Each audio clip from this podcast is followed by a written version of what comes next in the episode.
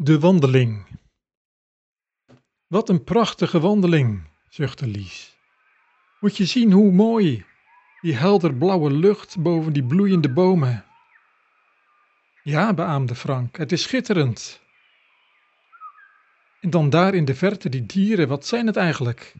Het lijkt wel of ze jongen hebben. Laten we een beetje die kant op lopen. Misschien kunnen we ze beter zien. Maar voorzichtig, als ze ons in de gaten krijgen, gaan ze er vandoor. Wat is wereld toch mooi, vervolgde Lies haar gedachtegang. De schrijver heeft dat toch wel heel mooi bedacht. Hm, bromde Frank alleen maar. Wat, hm, vind je het niet mooi? Jawel, ik zei toch al dat het schitterend was. Nou, wat dan?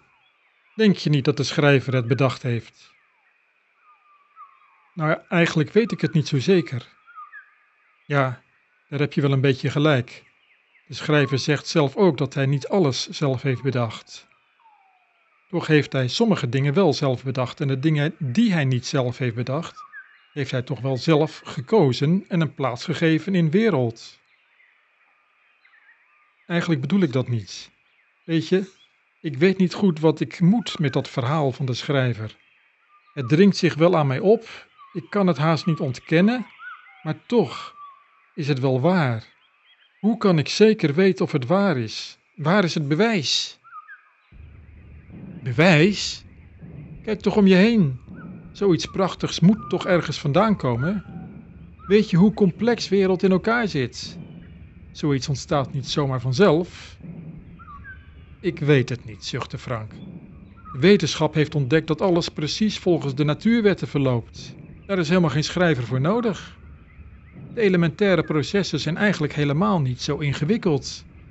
Het is alleen de grote hoeveelheid van in elkaar grijpende processen die het zo complex maakt.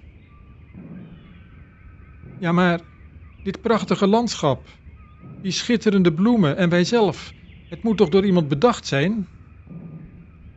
Misschien wel, maar misschien ook wel niet. Misschien is het alleen maar een toevallige samenloop van willekeurige processen waardoor alles ontstaan is. In de grond van de zaak verloopt het volgens strakke regels. Ik geloof er niks van. Zoiets moois. Het zit zo ingenieus in elkaar. Dat moet toch door iemand bedacht zijn? Bovendien, waarom zou de schrijver niet volgens strakke regels kunnen werken? Hij lijkt me er wel de persoon naar als je nagaat hoe hij wereld heeft bedacht. Ja, die gedachte heb ik ook wel steeds. Maar waar is het bewijs? Als het nou eens niet waar is. Als alles nou eens toevallig ontstaan is, inclusief die vreemde wording van de schrijver. Het is zo onwaarschijnlijk. Neem nou dat licht op de eerste dag en de zon pas op de vierde. Of steden op de derde dag, maar mensen pas op de zesde. Dat kan toch niet? Hoe zou je nou zoiets willen bewijzen? Ja, maar wat noem je dan een bewijs? Stil, fluisterde Frank, we zijn nou vlakbij. Ze hebben ons nog niet gehoord. Kun je al zien wat voor dieren het zijn? fluisterde Lies. Nog een klein eindje verder. Het zijn best wel grote dieren, het lijken wel paarden.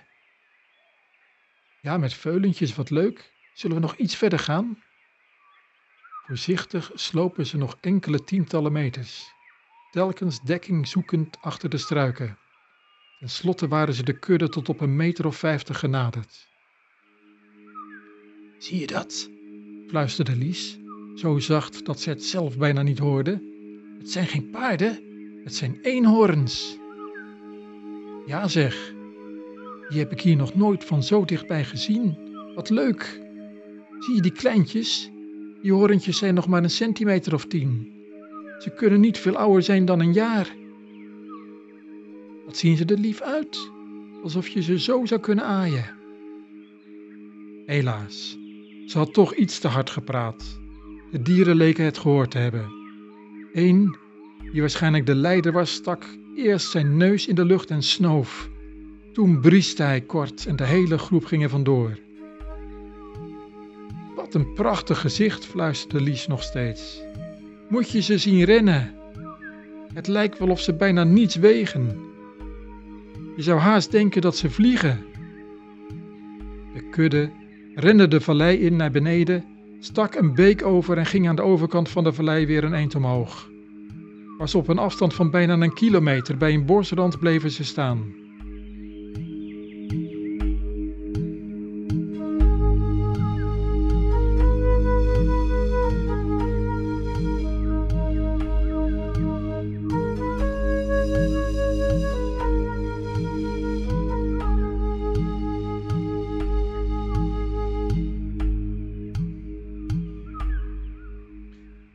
Je vroeg wat een bewijs is, zei Frank na een poosje weer hardop, het gesprek voortzettend.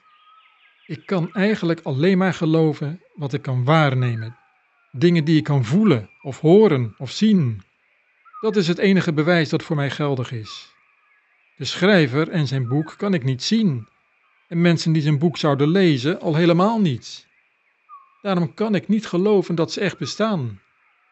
Het enige waarvan ik geloof dat ze echt bestaan zijn de dingen die je kunt zien, zoals die eenhoorns daar.